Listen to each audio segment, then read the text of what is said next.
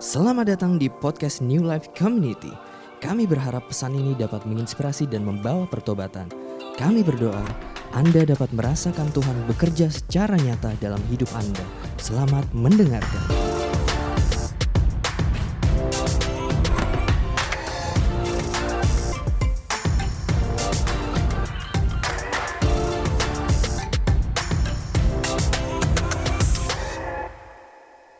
Jesus, thank you for today. Thank you for this amazing morning.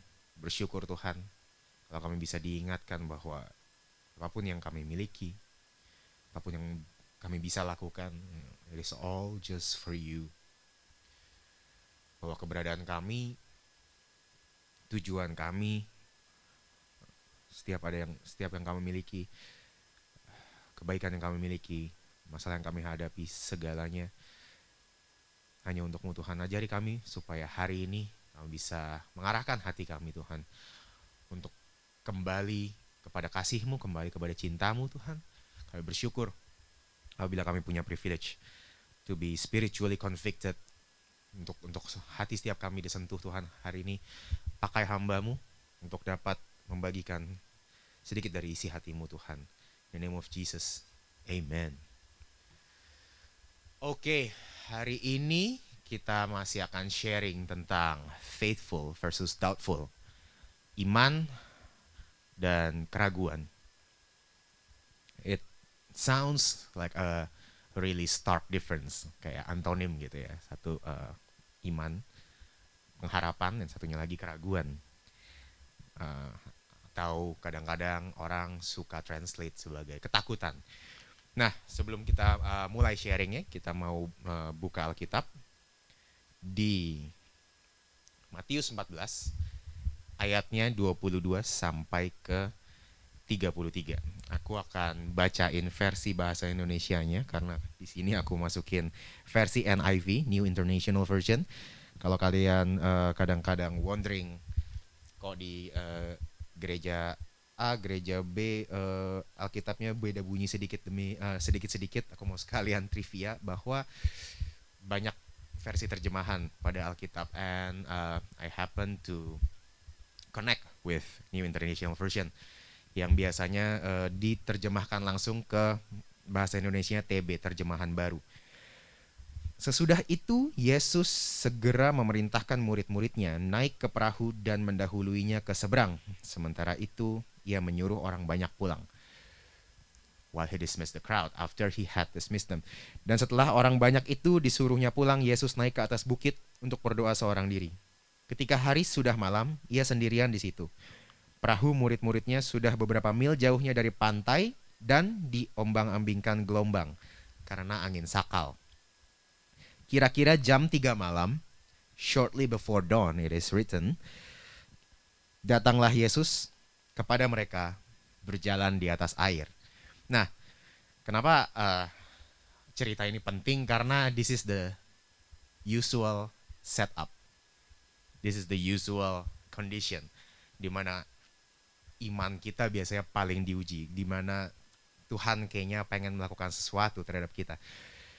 Dan ini juga uh, terbukti ketika Yesus uh, di kisah para rasul melakukan hal yang serupa, di mana dia memerintahkan murid-muridnya naik ke perahu dan mendahuluinya ke seberang. Di Ascension Day uh, bulan lalu, kita tahu bahwa Yesus naik ke surga dan mendahului para murid. Di sini dia melakukan yang sebaliknya, dia menyuruh murid-muridnya pergi mendahuluinya. So it seems like sometimes it appears that God separates himself from us. Ada keadaan-keadaan di mana Tuhan sepertinya secara sengaja memisahkan dirinya daripada kita. Dan ketika sudah beberapa mil jauhnya dari pantai, murid-murid mulai diombang-ambingkan gelombang dan angin sakal. Kira-kira jam 3 malam, kalau itu di di Alkitab bahasa Indonesia ditulis jam 3 malam, di bahasa Inggrisnya aku suka shortly before the dawn Dan kalau kalian pernah mendengar khotbah khotbah uh, lainnya tentang tentang waktu jam 3 malam, it is uh, the darkest time of the day. Jadi kalau misalkan hmm, jam 6 sore itu matahari terbenam, jam 8 itu jam sesudah makan malam, aku juga baru tahu kalau ternyata gelap itu juga ada levelnya. Dan katanya jam 3 subuh itu adalah jam-jam paling gelap. Mungkin bulan juga paling tidak bersinar di, jam-jam itu aku juga nggak ngerti karena biasanya jam segitu lagi tidur ya. Kecuali kita lagi stres nggak bisa tidur dan lain sebagainya. I pray uh, untuk kalian yang jam 3 subuh somehow masih bangun pesan hari ini bisa uh, menguatkan iman kita bersama-sama. Alright, so uh, next slide-nya adalah shortly before the dawn, Jesus went out to them. Kenapa nggak? Hmm, Next aja deh, manual. Oke, okay.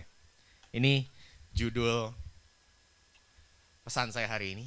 Deep in doubt and darkness. Deep in doubt and darkness. We are going to take a deep dive onto this uh, condition yang dikatakan uh, keraguan dan kegelapan. Kita akan uh, belajar di ayat berikutnya, di mana di ayat 26 sampai dengan 28, ketika murid-muridnya melihat dia berjalan di atas air, mereka terkejut dan berseru, itu hantu, lalu berteriak-teriak karena takut. Tapi segera Yesus berkata kepada mereka, tenanglah, ini aku, jangan takut. Lalu Petrus berseru dan menjawab dia, Tuhan, apabila engkau itu, apabila itu engkau, suruhlah aku datang kepadamu berjalan di atas air. So, ini adalah respon yang sangat umum. Aku hari ini pengen kita apa ya? Uh, today we are only going to focus on this story. Aku cuma mau kita kita kita fokus karena ini respon yang sangat sangat manusiawi di mana ini gelap lagi badai dan kita ini gelap lagi badai obviously nggak bisa lihat apa-apa terus kalau kita lihat di atas air ada yang jalan any normal human being bakal bilang Sat, setan gitu hantu atau itu apaan ikan ikan hiu ikan pokoknya uh, danger itu itu uh, respon fight or flightnya kita gitu untuk untuk untuk malah jadi wary dan malah jadi uh, doubtful. Dan penting untuk diketahui murid-murid ini tentunya orang-orang beriman ya. Karena kan tadi orang-orang banyak udah disuruh pulang. Berarti sisa apostles. Bener ya? Sisa apostles orang-orang. Jadi yang dibilang di sini murid-muridnya adalah murid-muridnya selain Petrus yang levelnya kurang lebih sama gitu. Tiap hari lihat miracles, tiap hari lihat Yesus, udah kenal, tapi di dalam kegelapan akan sangat mudah untuk tidak mengenali siapa Tuhan kita. Di dalam badai, di dalam kegelapan akan mudah bagi kita untuk bilang Tuhan itu hantu. Situasinya apa sih? Kadang-kadang kalau kita lagi stres, kalau kita lagi anxious, uh, buat beberapa yang udah sering um, dengar saya di sini kalian tahu uh, I had depression and anxiety a while back. Jadi kalau saya lagi breakdown, saya bahkan gak bisa percaya diri saya sendiri gitu. Jadi kalau saya yang biasanya uh, nge-pitch ke perusahaan nggak usah pakai PowerPoint, kalau saya lagi breakdown, saya kebalik gitu yang di otak saya kayak saya mau nyerah aja, saya mau jadi biksu aja biksu. Saya mau jadi pertapa aja saya mau jadi uh, uh, saya saya saya mau I just want to quit. Itu yang saya pikirkan. Dan dan saya ngerasa as if segala pertumbuhan saya segala pengetahuan yang saya miliki semuanya nggak nggak nggak ada gunanya. Dan dan dan itu adalah image-image pemikiran-pemikiran yang kita miliki yang saya uh, juga hadapi ketika kita ada di dalam kegelapan. I want us to first normalize. Aku mau normalize, normalisasi bahwa it is normal to doubt. It is perfectly human to doubt. In fact, kalau kita bilang kita tidak pernah ragu sedikit pun, kita tidak pernah berada dalam kegelapan, mungkin kita ada dalam bahaya. Karena the mind is deceitful. Dan besar kemungkinan saya bukannya meremehkan setiap dari kita, tapi besar kemungkinan kalau Anda tidak pernah merasakan ada yang namanya doubt, maybe it is conceit. It's even more it's an even more dangerous illness daripada uh, doubt and fear. Conceit, uh, pride, arrogance adalah uh, musuh utama yang kadang-kadang membuat kita uh, membuat otak kita menipu diri kita sendiri dan berpikir bahwa kita selalu baik-baik saja dan dengan mudah kita suka mask it as faith. Tapi di sini murid-murid bisa berbicara bahwa itu hantu. Tapi ada tapi kita punya Tuhan yang untungnya sabar sama kita. Kita punya Tuhan yang yang selalu ngomong bahwa kayak apa ya? Aku bersyukur gitu. Tuhan tuh bukan Tuhan yang yang petty gitu. Tuhan yang bukan bukan Tuhan yang kayak lu udah lihat gue tiap hari goblok banget kenapa bisa nggak kenal gue mungkin mungkin kalau manusia bakal offended ya nggak tahu ya kalau kalau kalau aku jadi Tuhan mungkin aku offended gitu. Baru ditinggal berapa berapa sering coba Yesus ngomong sampai hari di mana dia meninggal kayak baru ditinggal bentar tidur, baru ditinggal bentar gua hantu, baru kalau untung untung Tuhan bukan Tuhan yang FOMO dan insecure. Dia cuman simply ngomong dia secure bah secure enough untuk nggak affected sama doubtnya murid-muridnya. Dan dia bilang kayak it is me. Do not be afraid. Then there is this one special guy, one special guy yang bilang, God, if it is you, tell me to come to you and walk on water. Tell me to come to you on the water. Ini menurut saya audacious banget gitu. Terus yang kayak kalau kalau memang itu engkau kasih tahu aku untuk untuk jalan di atas air. Pesan aku pengen ngomong bahwa ini adalah kehidupan iman yang sesungguhnya gitu. Next slide. I want to simply summarize this as prayer is a relationship. Kenapa aku bilang uh, yang Petrus katakan kepada Yesus adalah sebuah prayer?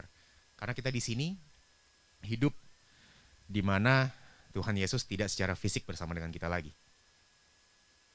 di mana di mana berdoa aku nggak tahu dengan kalian tapi sejak sejak COVID-19 uh, eh, sejak pandemi kita semua ngerasa isolated nggak sih kita semua ngerasa bukan cuma dengan teman tapi kita semua ngerasa kayak ada banyak momen-momen di mana kita harus menghadapi waktu-waktu hari-hari kita sendiri we need to uh, face our demons we need to face our troubles we need to deal with our emotional baggage dan di momen-momen di mana kita uh, terisolasi we need authenticity, genuineness more than anything. Yang kita butuhkan adalah being real. Being real bahwa kita tuh punya hubungan yang nyata gitu sama sama teman-teman kita. Kita punya uh, hubungan yang yang yang yang nyata dengan dengan Tuhan kita. Tuhan kita adalah Tuhan yang bisa ngobrol kayak gini. Aku nggak mau kita belajar bahwa kita bisa jadi lan lancang senantiasa sama Tuhan, tapi I adore the fact that Tuhan punya murid-murid yang paling dekat. Kalau 12 gitu, 11 bilang hantu, satunya nantangin balik gitu. 11 bilang hantu, satunya, lo kalau Tuhan beneran suruh gue jalan di atas air gitu. Maksudnya dia murid-murid bukan uh, bukan seperti ahli Farisi gitu yang yang bilang bahwa kayak oh engkau adalah Tuhan yang agung berjalanlah terhadap kami dan uh, munculkanlah wajahmu di mana di situ uh, terlihat mungkin kalimat tersebut lebih respectful tapi nggak ada langkah iman yang harus kita lakukan. Kalau kita cuma bilang kayak God reveal yourself and walk upon us so that we can see your face. Mung tapi berapa banyak dari kita yang isi doanya kayak gitu? Berapa banyak dari kita yang yang yang punya iman yang pasif di mana kayak Tuhan kalau emang itu memang Tuhan Tuhan yang kasih tandanya. Tuhan kalau emang itu emang Tuhan uh, Tuhan somehow bikin si A ngomong ke aku atau uh, somehow bikin perusahaan ini uh, tiba-tiba manggil aku dan lain sebagainya. Tapi ada ada seseorang dengan iman aktif namanya Petrus dia bilang Tuhan apa bilang itu engkau? Call me to walk on the word. Dan Tuhan menjawab di ayatnya yang ke-29 come he said kadang-kadang jawaban dari doa kita kalau kalau udah doa audaciously aku suka sebel suka sebel sama sama Tuhan. Kalau memang cuma jawabannya come because it happens a lot in my life. Aku tahu mungkin terjadi juga di di, di kehidupan kalian Tuhan kadang-kadang cuma bilang come or go or start walking.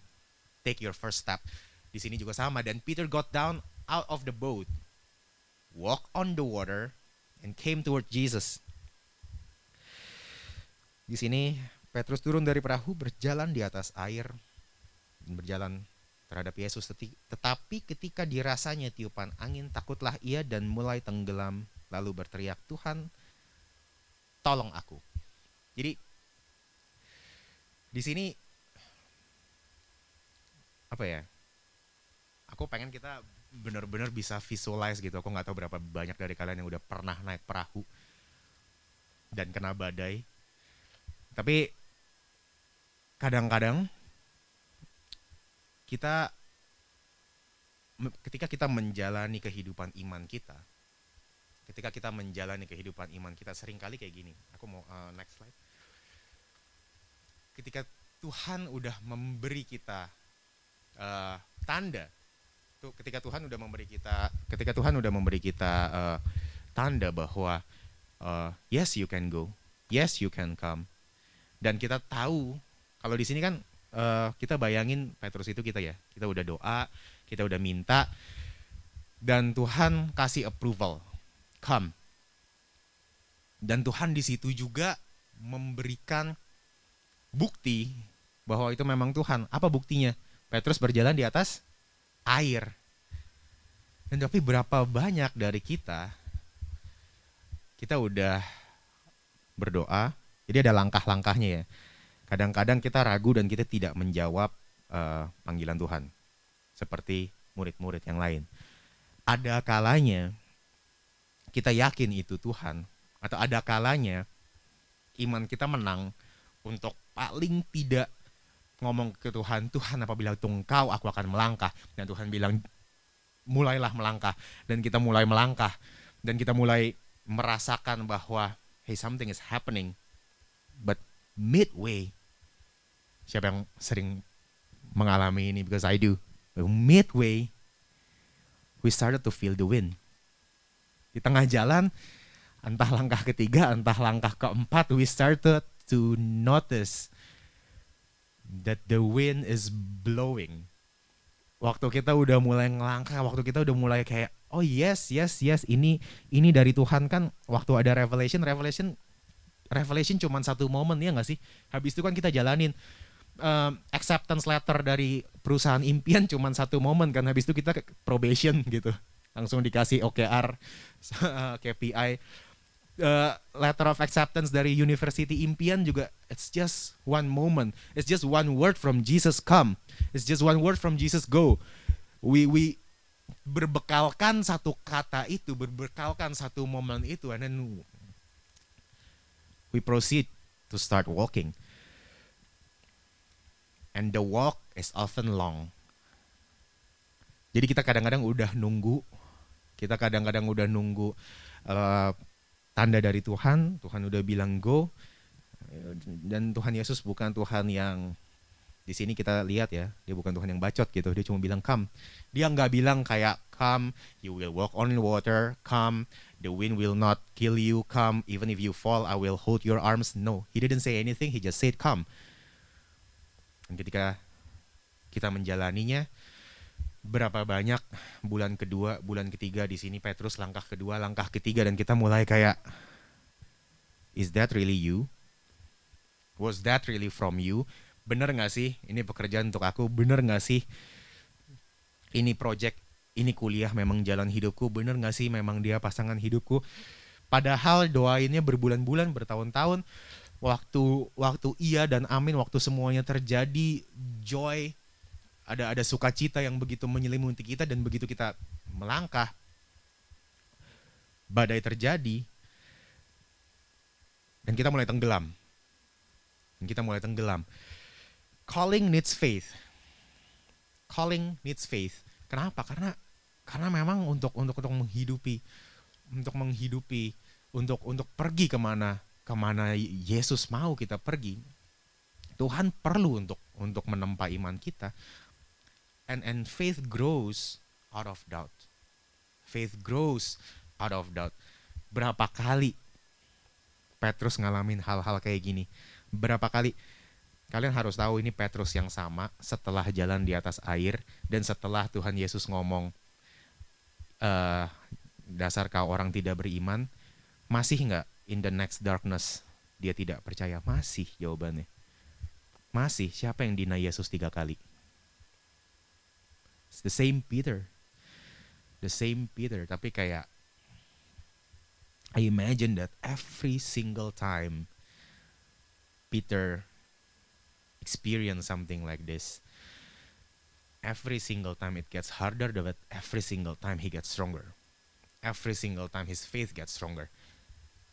Mungkin aku bayangin ya Petrus kan pernah dihardik Yesus kayak pergi kau setan gara-gara Petrus ngomong ke Tuhan Yesus gitu, oke, aku tidak akan meninggalkanmu, aku tidak akan meragukanmu dan lain sebagainya. Terus dia bilang, e, kamu uh, dan Tuhan tidak akan pergi. Terus dia bilang pergi kau setan, karena Yesus tahu kayak bullshit, lu udah jalan di atas air aja dan and you're the you're the only person on earth that that ever walk on water beside of me gitu kali. Kayak um, tapi tapi Tuhan Yesus tahu gitu that that that's bullshit man pergi daripada aku. Engkau setan. Terus Petrus mungkin kayak what? I thought I thought we had something here. I thought I was special. Dia dia dia orang yang imannya mungkin udah tumbuh sebesar itu dan dan dan Tuhan masih Tuhan Yesus masih menyimpan dalam hatinya you're not done yet. Masih ada satu momen yang nanti kamu harus hadapi gitu. And that moment yang akhirnya bikin Petrus benar-benar jadi batu karangnya Yesus kan. Setelah dia deny Yesus tiga kali. I'm, I'm, I'm telling you uh, that the journey of faith is often painful. The journey of faith, waktu kita lagi bertumbuh, pertumbuhan itu sakit pertumbuhan itu humiliating, pertumbuhan itu causing you breakdowns. Tapi ketika kamu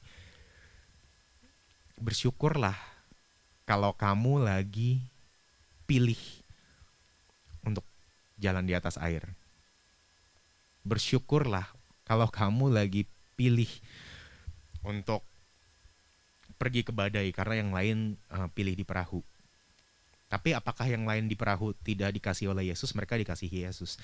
Tapi bersyukurlah apabila kamu jadi individu yang bisa menumbuhkan iman kamu dan diberpak dan di, di dan dibekali supaya kamu bisa jalan lebih jauh ke depan seperti Petrus memimpin teman-teman yang lain. Bersyukurlah. Dan ketika itu uh, aku next lagi ayat 31 sampai ke 33. Immediately Jesus reached out his hand and caught him. You of little faith, why did you doubt? Tapi aku bayangin ya, kalau misalkan aku bayangin, kadang-kadang Yesus kan kalau karena karena kita baca kali ya dan dan dan kalau zaman dulu kan nggak ada sarjana sastra kita suka nggak tahu. Aku aku suka nggak tahu gitu. Kadang-kadang Yesus tuh kalau lagi ngomong sesuatu tuh emang emang pure savage aja. Or did he smile when he said this? Did he smile when he said you of little faith why did you doubt? Karena at the end of the day only Peter called out to him and say, "Can I come to you?" Makanya kita punya Tuhan yang tricky ya di sini. Dia kayak aku suka aku kan belakangan latihan boxing ya. Selalu dikatain sama coachnya gitu. Selalu dikatain sama coachnya tapi bener-bener sekali-kali jarang banget.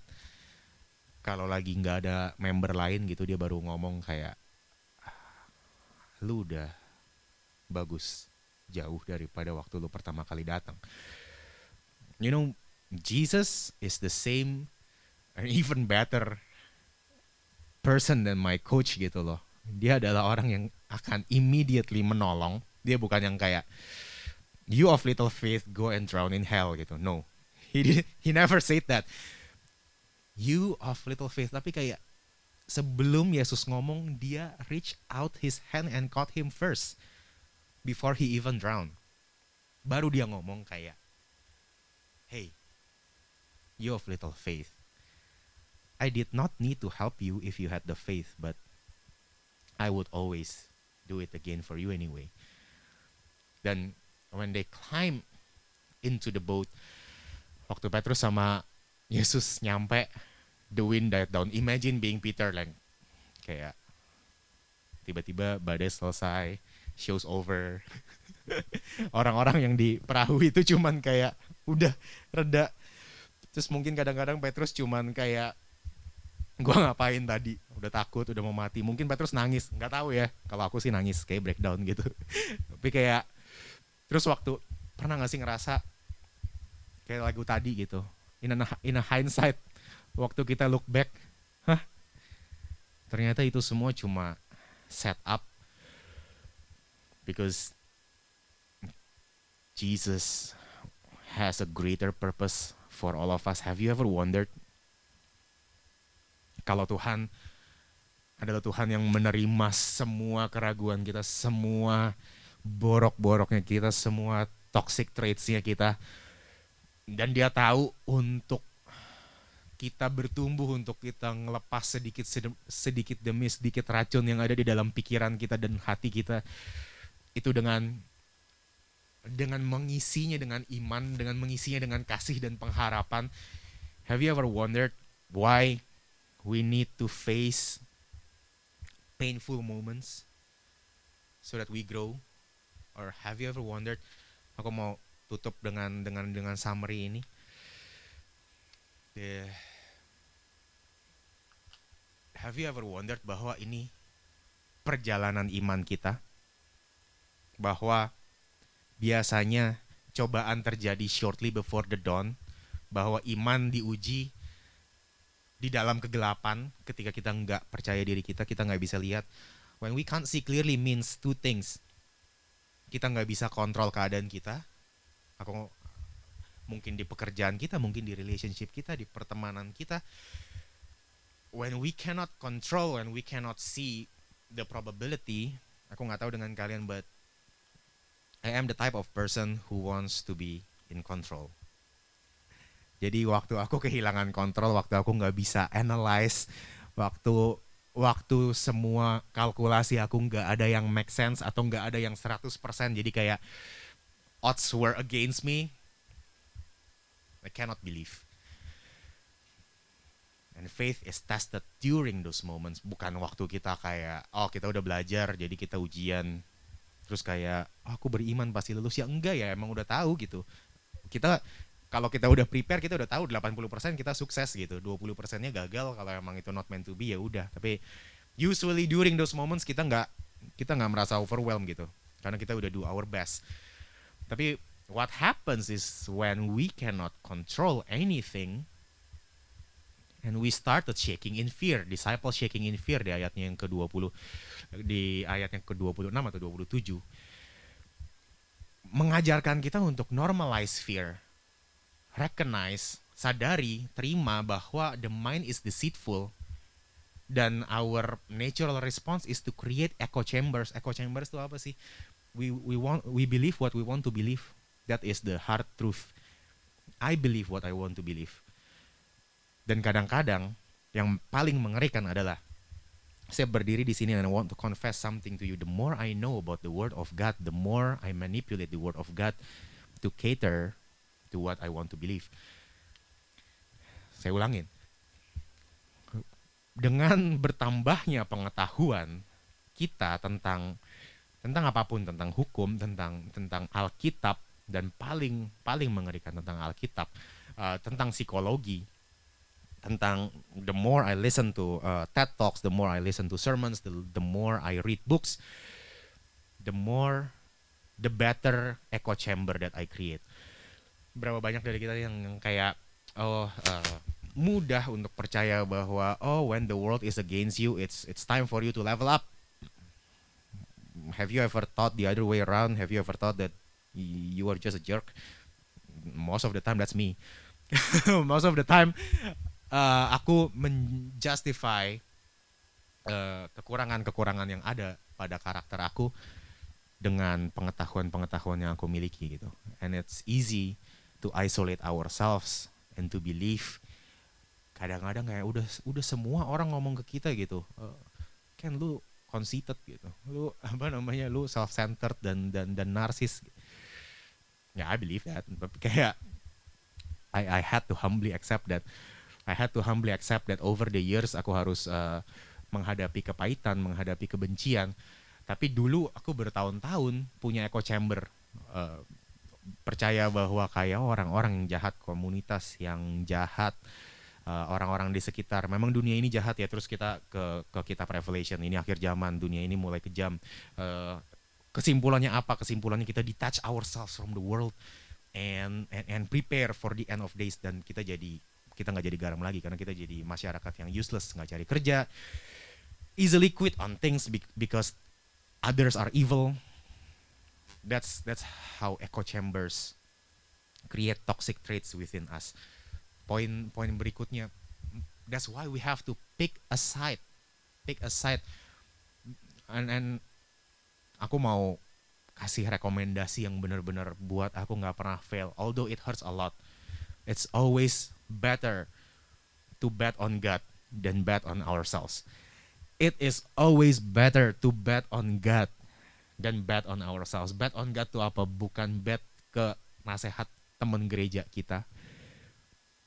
Bukan bet ke khotbah bagus, tapi bet ke firman Tuhan yang kita baca dan Tuhan yang kita kenal. Karena hubungan dengan Tuhan adalah satu-satu yang bisa kita andalkan hubungan dengan Tuhan adalah hal-hal yang bisa bikin seorang Petrus ngomong kalau itu Tuhan buat aku berjalan di atas air. Hubungan dengan Tuhan adalah hal-hal yang bisa membuat murid berbicara kamu hantu ya gitu. Are you a ghost? No. Hubungan dengan Tuhan adalah uh, that having that kind of conversation with God. Kayak God, I cannot I cannot believe in you. Make me that's a real picking a side di mana kayak kita kita mau pilih God or noise noise tuh kayak ya noise di kepala kita noise di sekitar kita dan we ask for his his guidance karena Tuhan itu Tuhan itu he is not what the rumor say Tuhan bukan Tuhan yang didefinisikan sama orang gereja Tuhan bukan Tuhan yang didefinisikan sama buku cerita Tuhan bukan di I'm not saying I'm not saying uh, Tuhan itu tidak seperti yang apa ya kalau misalkan teman gereja kita cerita tentang Tuhan itu adalah hasil dari pengenalan mereka akan Tuhan. Itu tidak pernah mewakilkan 100% dari siapa Tuhan itu yang sesungguhnya. In fact kita bisa hidup ratusan ribuan tahun dan kita nggak akan pernah bisa define with words Tuhan itu seperti apa. So we just gotta pick a side, pick His side, and we wait on the Lord, and then go.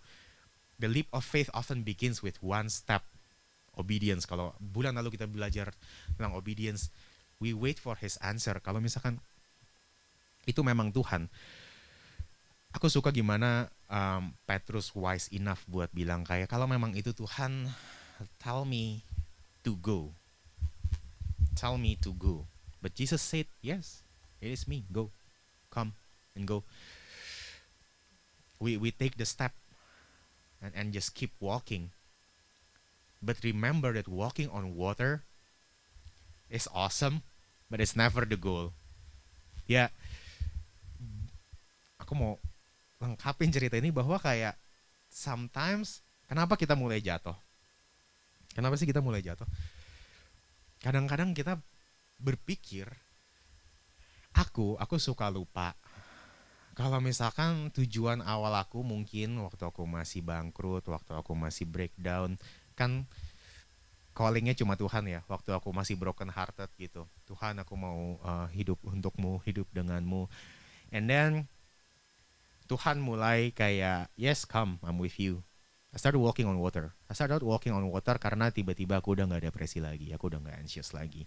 Um, aku dapat investor, aku mulai jalanin bisnis aku bisnis aku goyang tapi uh, tapi tiba-tiba membaik I started I started living in miracles and started thinking that the miracle is the goal I started thinking that being able to walk on water is proof that God is with me padahal enggak. God will always kayak buat Tuhan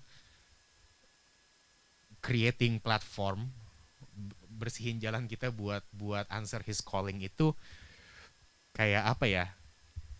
Ya ya akomodasi aja gitu. Nothing special buat dia. Tapi kadang-kadang kita terlalu menspesialkan that that that walk gitu. Untuk untuk untuk untuk kita bisa bilang gitu oh kita kita kita kita berjalan dalam iman you know told you that make God smile by being the one who ask God out. Ask God out gitu untuk untuk kayak hey God, I want to know more about your love. I want to know more about you. Make him smile. Karena kayak we won't make him smile by uh, Petrus nggak pernah bilang kayak make me walk on water, but tell me to come to you and walking on water became something trivial. Walking on water became something trivial.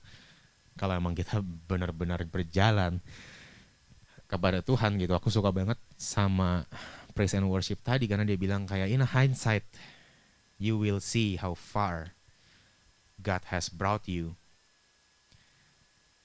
The dawn will arrive. The storm has a purpose. You just need to hold on and call upon Him because He's the God that will always help you when you're down. Aku mau tutup ini dengan uh, cerita aku sendiri. Aku uh, apa ya?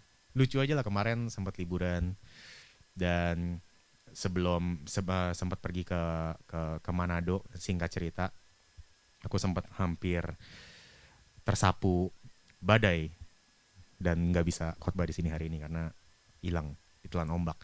Jadi waktu waktu aku sebelumnya kepikiran, udah kepikiran untuk kayak oh mau mau share tentang tentang Peter on the boat. If if the theme is about faith versus doubt, this will be it. And then uh, pergi liburan nggak inget tentang materi itu, terus aku naik naik sampan gitu, naik sampan uh, bareng sama teman-teman. Sampannya tuh sampan sederhana, sampan yang ada motornya di belakang. Jadi it's a, it's a motorboat, motor and boat. Eh, nggak uh, ada roofnya, kita pergi ke pulau nggak berpenghuni buat liburan. Maksudnya buat kayak adventure aja, berpetualang seru. Karena pulaunya bersih, alamnya keren. Kita main-main oh ya terus uh, pulaunya pulaunya bagus banget uh, kita berpetualang and then it started raining and then it started raining di pulau nggak berpenghuni kalau mulai hujan hujannya jadi serem. Kenapa? Karena nggak ada atap. Kan nggak pernah ada orang di situ ya. Jadi nggak ada man-made structure. Nggak ada atap terus uh, cuaca berubah air pun surut. Kenapa air surut pun mengerikan? Karena pantainya pantai berbatu. Jadi jadi kita butuh 20 menit untuk ngeluarin perahunya dari pantai. Di bawah hujan. Jadi kayak mulai kayak film horor gitu karena kita ngerasain dari gerimis, hujannya mulai kenceng, awannya makin gelap gitu daripada kayak sebelum itu kita lagi kayak foto-foto gitu yang kayak foto-foto manjat sana manjat ke sini terus awannya makin gelap ini kita mulai mulai keluar dari pantai itu itu tuh kayak orang-orang udah pada mulai takut. Kita disetirin dua nelayan dua nelayan yang katanya jago banget dan mereka aja udah takut. Waktu kita berhasil keluar dari pantai hujannya udah gede. Hujannya udah gede dan penting untuk diingat ini sampan dengan motor. Tidak ada atap.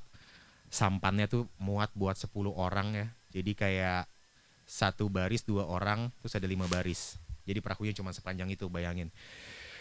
Jadi waktu kita berangkat it feels literally kayak di Bible itu gitu. Aku baru tahu rasanya kayak pulaunya jauh banget. Jadi itu uh, dua jam perjalanan pakai boat. Dua uh, totalnya dua jam perjalanan tapi ada satu stop. Jadi kita satu jam dan satu jam. Satu jam pertama pulaunya tuh bener-bener nggak kelihatan. Jadi waktu cerah aja pulaunya kayak kecil gitu. Terus waktu udah badai udah.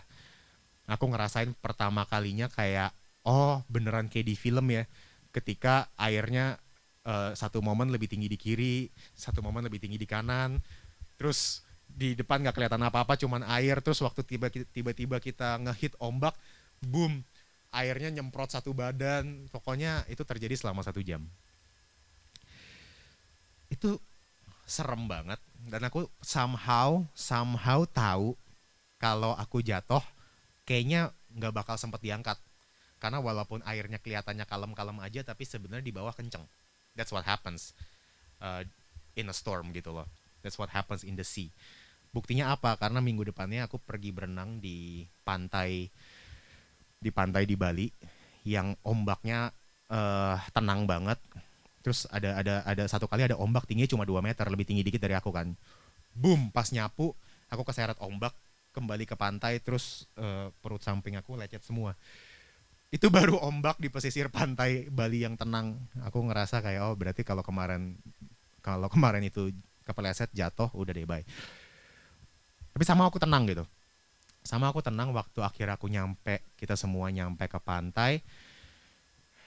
In a hindsight we are grateful.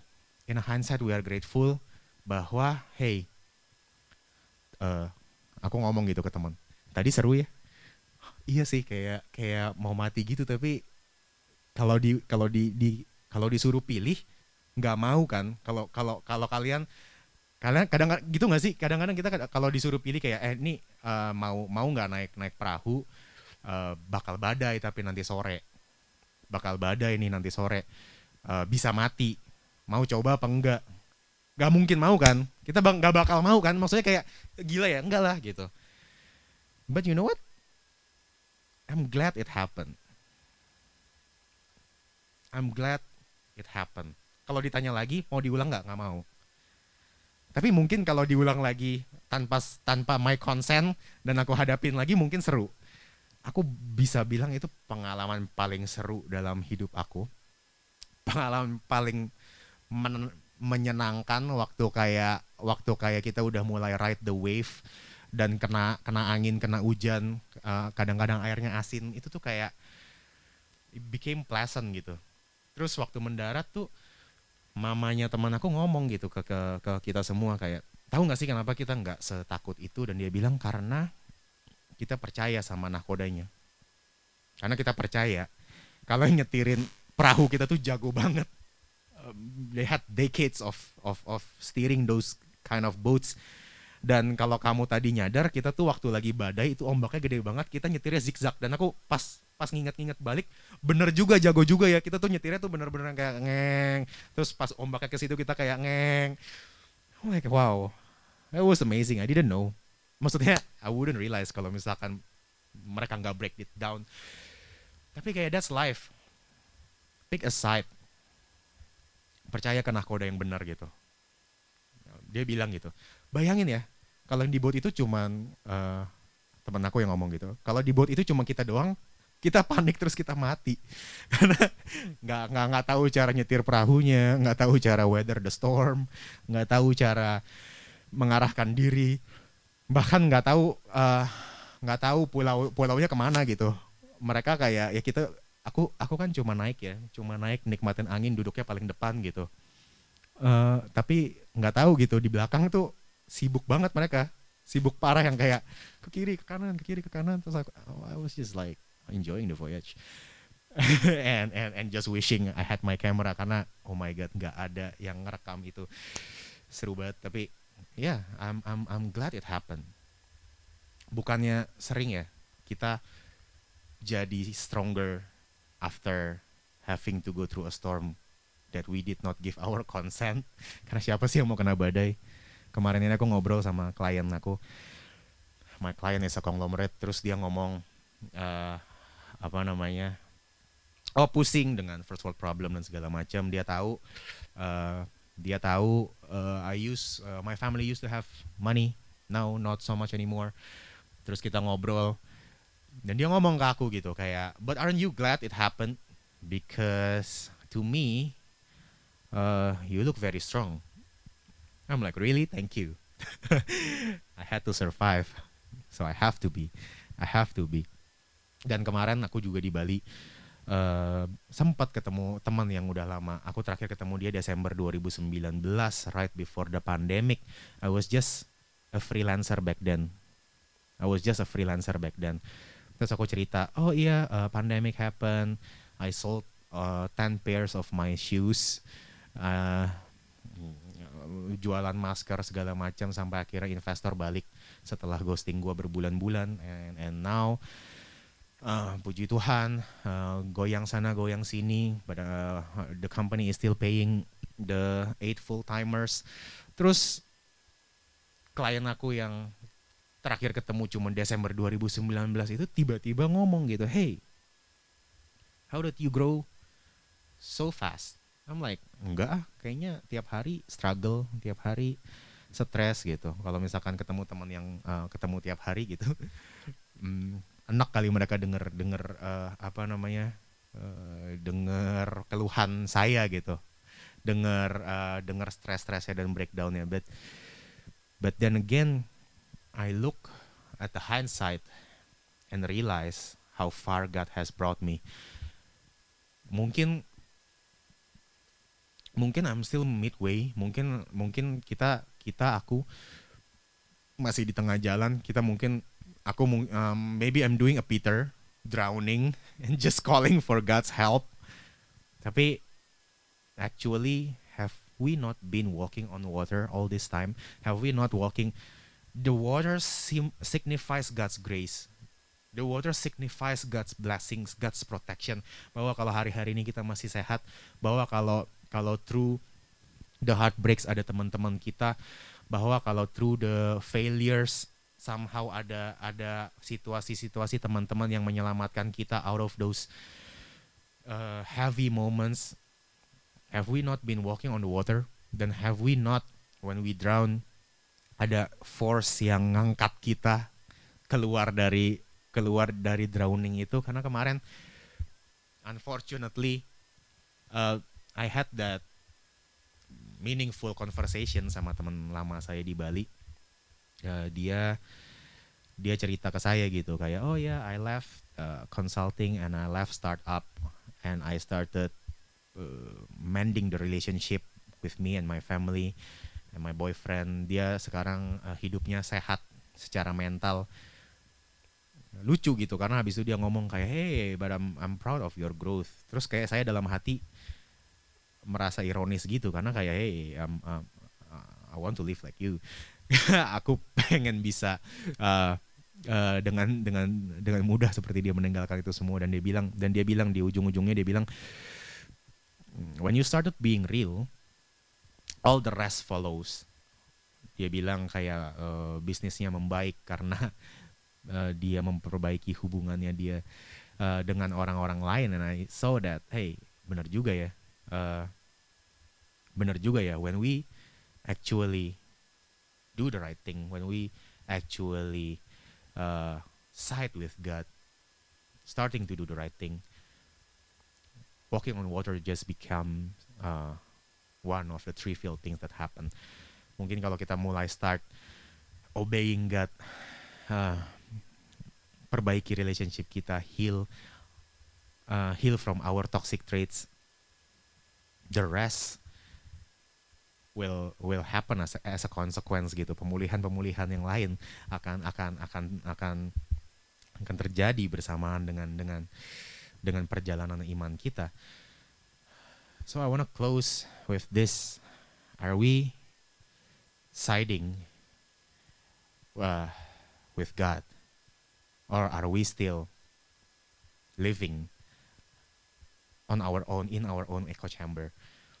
Dan buat buat beberapa dari kita yang yang yang masih susah untuk keluar.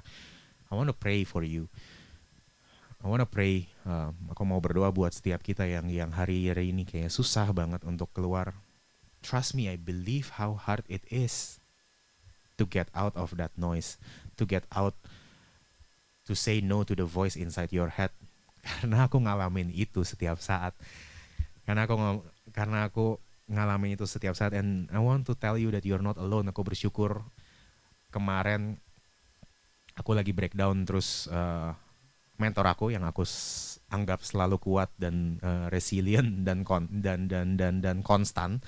Aku pikir dia emang emang memang one of his strongest trait is being stable gitu. Terus terus dia ngomong kayak your mind is going too fast and you need to stop. Terus aku kayak uh, jawab aja kayak eh kok uh, kok tahu gitu. Oh, because it happens to me too. I'm like huh really? Thought it only happens to weak people like me. Ternyata enggak gitu. Ternyata uh, everyone has their own battle yang kita uh, nggak tahu. Everyone I know you have your own. I have my own. Uh, I'm here today to share bahwa orang sekuat Petrus orang uh, orang yang udah kenal Yesus kayak murid-murid we drown all the time That's why we need to call upon God. We need to call upon God, no matter how hard it is, no matter how hard, how dark, how deep in doubt that we are. Walaupun kita suka nggak percaya, just take a moment today to call on His name and say, Lord, help me. I need you. I need you. Karena calling needs faith kita udah di langkah di mana kayak kalau misalkan kita udah udah di jalan udah jalan di atas air itu kan kayak emang udah nggak mungkin ya kalau nggak ada Tuhan ya. Jadi jadi remember that kalau kita mau hidup sama Tuhan kita tuh udah hidup di di zona yang nggak masuk akal gitu. So if we want to come back to our senses and be on uh, be in control news flash you will start drowning and you will start and we will start getting drunk on on on on the wind and the storm. Berapa banyak sih yang dari kita yang yang yang yang mulai tenggelam karena itu? Have this one last uh, confession before I close it with a prayer. Salah satu badai yang aku temuin adalah waktu aku udah dapat investor dan seperti raja-raja yang uh, di perjanjian lama itu, aku mulai menghitung pendapatan per bulan perusahaan aku. aku mulai menghitung, tapi kayak bukan bukan masalah accounting ya, tapi aku tahu motif aku pada saat itu tuh nggak murni gitu loh, kayak I wanna know how well I go ah, gitu. Jadi aku minta aku minta partner aku ngitung and guess what? Sebelum hitungannya keluar uh, dilepas klien gede. Langsung nggak pengen ngitung rasanya. Langsung nggak pengen ngitung rasanya karena langsung jadi merah. Wow. So that's what happens.